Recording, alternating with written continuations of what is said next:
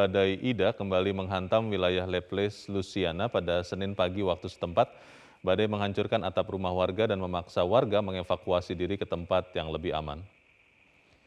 Sebuah rekaman video udara yang diambil di atas wilayah Leples, Luciana memperlihatkan cukup parahnya kerusakan yang terjadi di permukiman warga usai dihantam badai Ida pada Senin waktu setempat nampak kendaraan-kendaraan warga berupaya melewati genangan air untuk mengevakuasi diri ke tempat yang lebih aman. Sejumlah atap rumah warga juga nampak rusak parah di terjang badai. Tidak hanya itu, badai Ida juga menyebabkan aliran listrik di sekitar wilayah Place terputus. Sejumlah tim penyelamat beserta ratusan perahu dan juga helikopter dikerahkan ke lokasi untuk menjangkau orang-orang yang masih terjebak dalam bangunan. Sebagian warga yang tinggal di dekat sungai dan kawasan teluk dan masih terjebak di rumahnya terpaksa bertahan di atap atau loteng bangunannya, sebagian di antaranya berupaya untuk membagikan kondisi. Sementara itu pemirsa proses evakuasi warga yang terjebak banjir akibat badai Ida terus dilakukan di wilayah Crown Point, Louisiana, Senin waktu setempat. Sejumlah tim penyelamat diberangkatkan di beberapa titik di Crown Point untuk mengevakuasi sejumlah warga yang masih terjebak banjir imbas dari badai Ida. Ratusan perahu boat dan beberapa unit helikopter dikerahkan untuk menjemput warga yang berada di medan yang sulit dilalui tim penyelamat. Terjangan badai Ida telah menyebabkan banjir di sejumlah wilayah di Louisiana dan merusak sejumlah rumah di pemukiman warga. Lebih dari satu juta pelanggan baik di Louisiana, Mississippi termasuk New Orleans terpaksa tidak bisa menerima jaringan listrik. Pemerintah setempat pun memperingatkan kemungkinan butuh waktu yang lama untuk memulihkan jaringan listrik mengingat dampak dari hantaman badai Ida ini cukup. Senang sekali tentunya kita mendengarkan kabar bahwa tren kasus COVID-19 di tanah air sudah semakin menurun di mana tingkat keterisian tempat tidur di Indonesia ini sudah mencapai rata-rata 27 persen ya. Dan juga pemerintah kembali memperpanjang PPKM level uh, 2 hingga 4 di Provinsi Jawa dan Bali. Nah, tapi dengan semakin menurunnya tren kasus COVID-19 tentunya kita harapkan juga protokol kesehatan semakin meningkat ya. Jangan sampai kendor seperti informasi yang saya bacakan berikut ini pemirsa di mana Kepala Dinas Kesehatan Provinsi Maluku Utara, Idar Sidi Umar terjaring razia PPKM oleh Satgas COVID-19 Kota Ternate di salah satu restoran di Ternate. Idar bersama dengan rekan-rekannya dianggap tidak mematuhi protokol kesehatan. Momen saat Kepala Dinas Kesehatan Provinsi Maluku Utara terjaring razia PPKM ini terjadi di salah satu restoran di Ternate yakni Red Star Corner Resto and Cafe. Kadis Kesehatan Provinsi Maluku Utara, Idar Sidi Umar malah tertangkap sedang asyik menongkrong bersama rekan-rekannya oleh Satgas COVID-19 saat melakukan razia. Koordinator Pendisiplinan dan juga Penegakan Hukum Protokol Kesehatan Satgas Penanganan COVID-19 Kota Ternate mengaku menyesalkan aksi Kadis Kesehatan ini karena tidak mematuhi protokol kesehatan dengan menciptakan kerumunan Razia petugas Satgas COVID-19 Kota Ternate di Red Star Corner Resto and Cafe ini sempat mendapat perlawanan dari karyawan kafe sehingga terjadi. Iya, kita tetap kita kalau Satgas itu tidak mengenal pangkat jabatan status sosial apa pun, kita tetap tegur. Dan tadi kami lakukan peneguran. Artinya sesalkan ya Pak, ya, soal ya, di tengah-tengah. Ya, ya, sesalkan kalau memangnya ada uh, pejabat publik, terus dia uh, tidak menghiraukan uh, anjuran pemerintah untuk ber, apa, tidak berkerumun.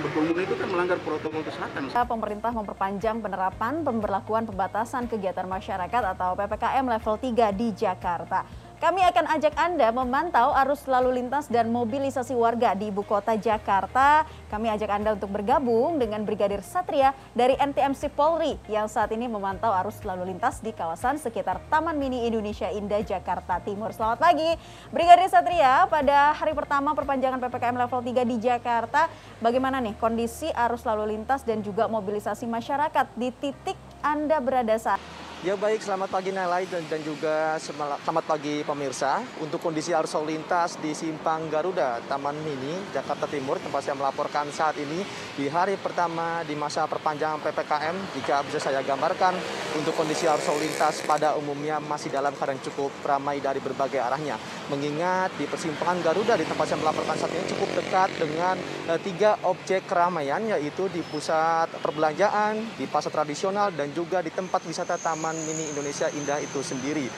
Untuk kendaraan dari arah eh, Cilangkap yang akan menuju ke arah Ramat Jati pada pagi hari ini masih dalam keadaan cukup ramai lancar.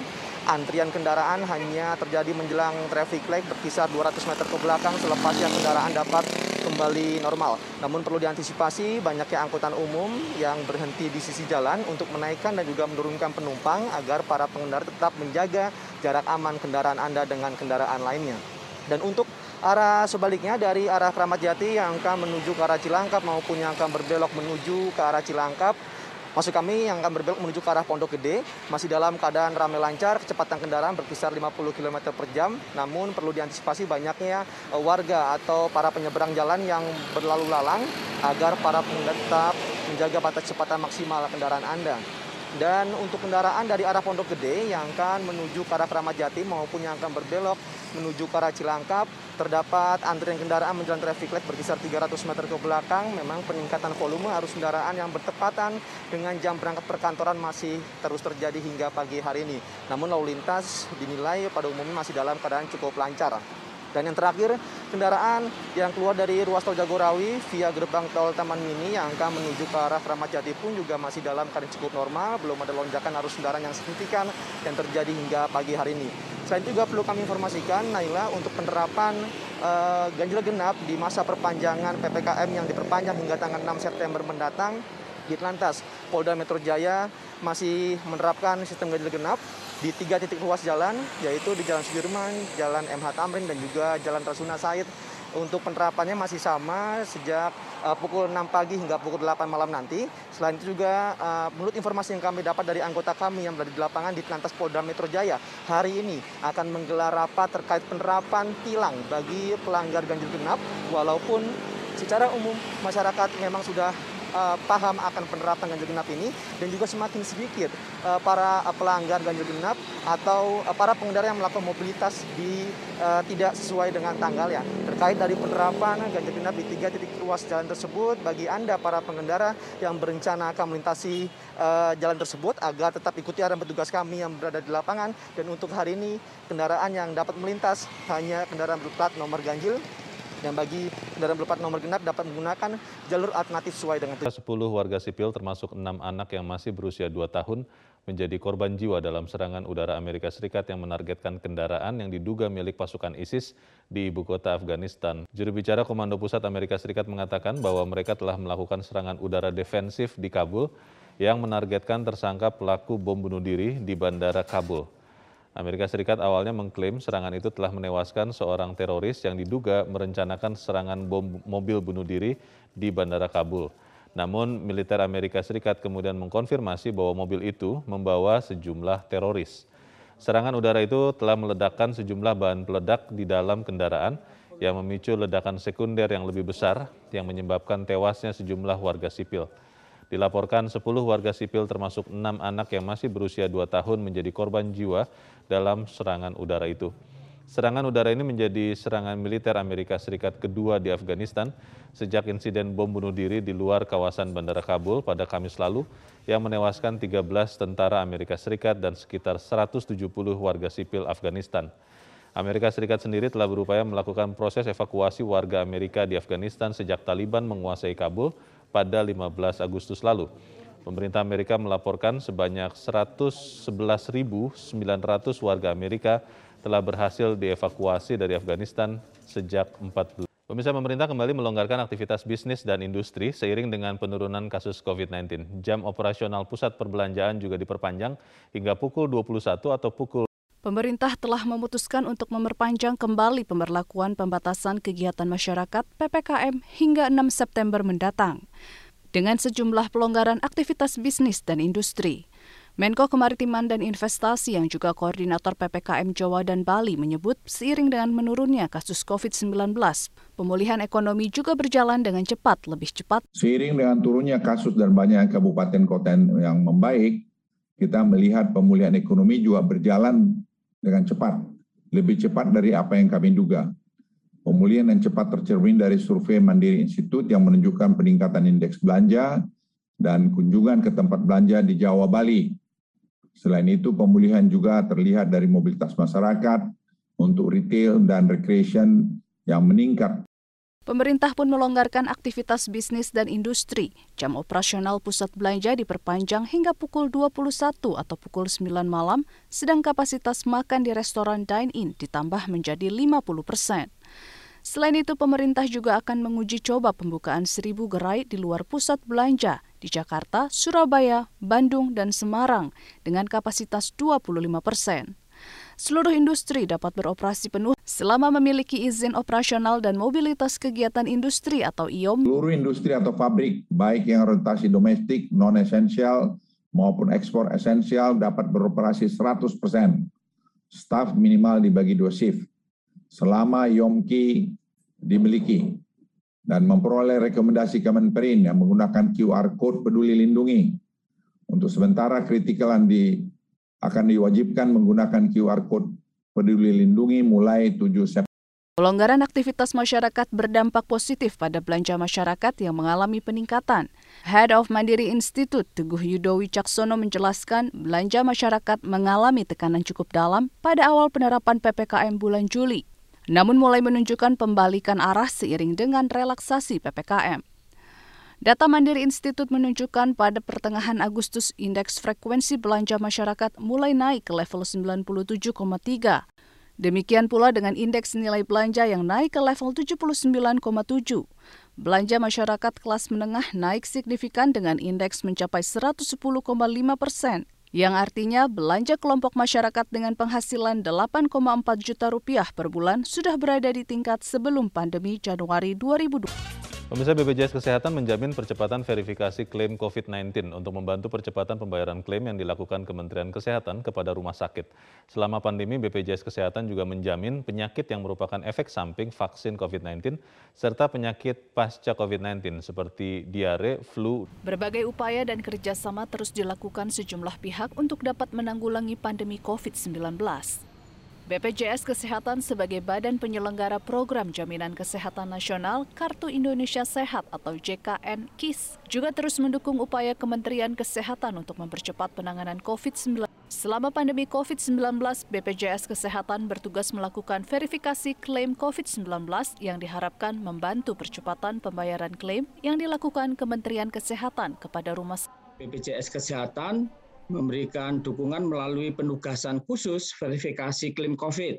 Jadi di seluruh Indonesia kalau ada mohon maaf masyarakat yang kemudian masuk rumah sakit, nah nanti klaimnya itu diverifikasi oleh BPJS Kesehatan dan dibayar oleh uh, pemerintah dalam hal ini Kementerian Kesehatan begitu. Guru Besar Kesehatan Masyarakat Universitas Indonesia Hasbullah Tabrani menyebut verifikasi klaim COVID-19 merupakan kompetensi BPJS Kesehatan saat ini, sehingga dapat membantu Kementerian Kesehatan membayar klaim kepada rumah sakit. Menurutnya BPJS Kesehatan akan lebih banyak berperan ketika status pandemi COVID-19 nantinya sudah berubah menjadi endemi sehingga COVID-19 bisa menjadi salah satu jenis penyakit yang dijamin oleh BPJS Kesehatan dengan persyaratan tertentu. Ketika COVID nanti menjadi endemis, tidak lagi pandemi, katakanlah Pak Presiden akan mengatakan, oke okay, pandemi sudah selesai, maka sudah otomatis semua kasus COVID uh, diperlakukan sama dengan penyakit-penyakit yang lain dan menjadi tanggungan BPJS. Oleh karena itu, um, harusnya BPJS sudah memperhitungkan berapa dampaknya uh, tambahan klaim kalau terjadi endemis. Ya, tapi jangan lupa besaran tarifnya kalau dia udah endemis berapa BPJS akan bayar rumah sakit per kasus COVID, ya itu yang Selain verifikasi klaim COVID, BPJS Kesehatan juga menyediakan aplikasi Pikir Vaksinasi yang mampu mencatat pelaksanaan vaksinasi COVID-19 dari proses registrasi, screening, hingga dokumentasi pelaporan vaksinasi. Peserta JKN KIS juga dapat menggunakan layanan BPJS Kesehatan di rumah sakit jika ada kejadian ikutan setelah vaksin COVID-19. Nah, kita juga menyediakan dashboard untuk pemantauan vaksinasi serta klaim pelayanan COVID yang bisa diakses oleh pemerintah daerah. Dan juga kita diminta untuk bisa mengelola eh, bagi mereka yang istilahnya itu kena KIPI terutama eh, peserta BPJS Kesehatan. KIPI itu adalah kejadian ikutan pasca imunisasi atau vaksinasi itu. Masyarakat yang mengalami nyeri, bengkak, dan kemerahan di lokasi suntikan vaksin COVID-19 atau mengalami efek samping berupa demam, sakit kepala pasca vaksin dapat langsung berobat ke fasilitas kesehatan dan dijamin oleh BPJS Kesehatan. Setiap bulannya BPJS Kesehatan membayar klaim masyarakat sebesar 7 triliun rupiah, namun masih mencatat kinerja keuangan yang positif sejak tahun 2020 sampai saat ini. Dari Jakarta, Mercy Wijaya, Metro TV.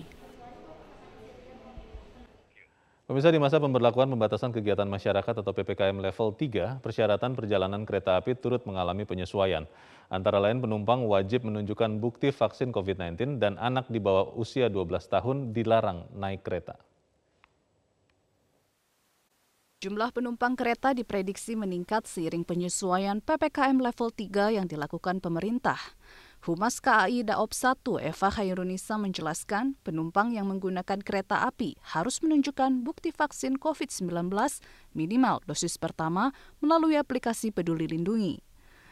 Selain itu, penumpang wajib menunjukkan bukti negatif COVID-19 melalui tes antigen 1 kali 24 jam atau tes PCR 2 kali 24 jam dan anak usia di bawah 12 tahun dilarang naik kereta yakni bukti sudah vaksin minimal dosis pertama, kemudian juga pemeriksaan antigen uh, dengan masa berlaku 1 kali 24 jam atau PCR dengan masa berlaku 2 kali 24 jam dengan hasil negatif.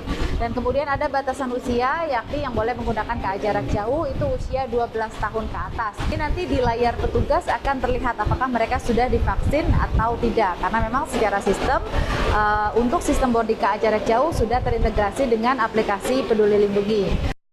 Aplikasi Peduli Lindungi sudah terintegrasi dengan kereta api sesuai dengan NIK yang terdaftar dan sudah terintegrasi dengan hasil pemeriksaan COVID-19. Bagi calon penumpang yang belum vaksinasi COVID-19, PT KAI menyediakan layanan vaksinasi di stasiun Senen dan Gambir setiap hari, mulai pukul 8 sampai 12. Selama perjalanan, protokol kesehatan di atas kereta diperketat agar tidak menjadi klaster baru penyebaran COVID-19. Adanya layanan vaksinasi ini, PT KAI berharap agar dapat membantu pemerintah dalam rangka melakukan percepatan vaksinasi di seluruh Indonesia. Untuk itu PT KAI menghimbau kepada seluruh calon penumpang yang akan menggunakan jasa kereta api jarak jauh untuk melakukan vaksinasi COVID-19 minimal dosis pertama dan juga jangan lupa untuk mengunduh aplikasi Peduli Lindungi. Demikian yang dapat kami sampaikan dari Jakarta, Glorinata Suari, Metro TV.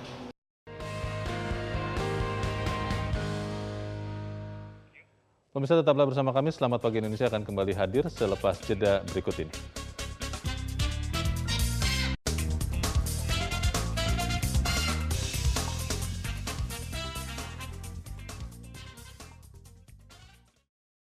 Terima kasih. Terima kasih. Gini aja nggak apa-apa. Lagi, gini aja. Gini aja? Ah.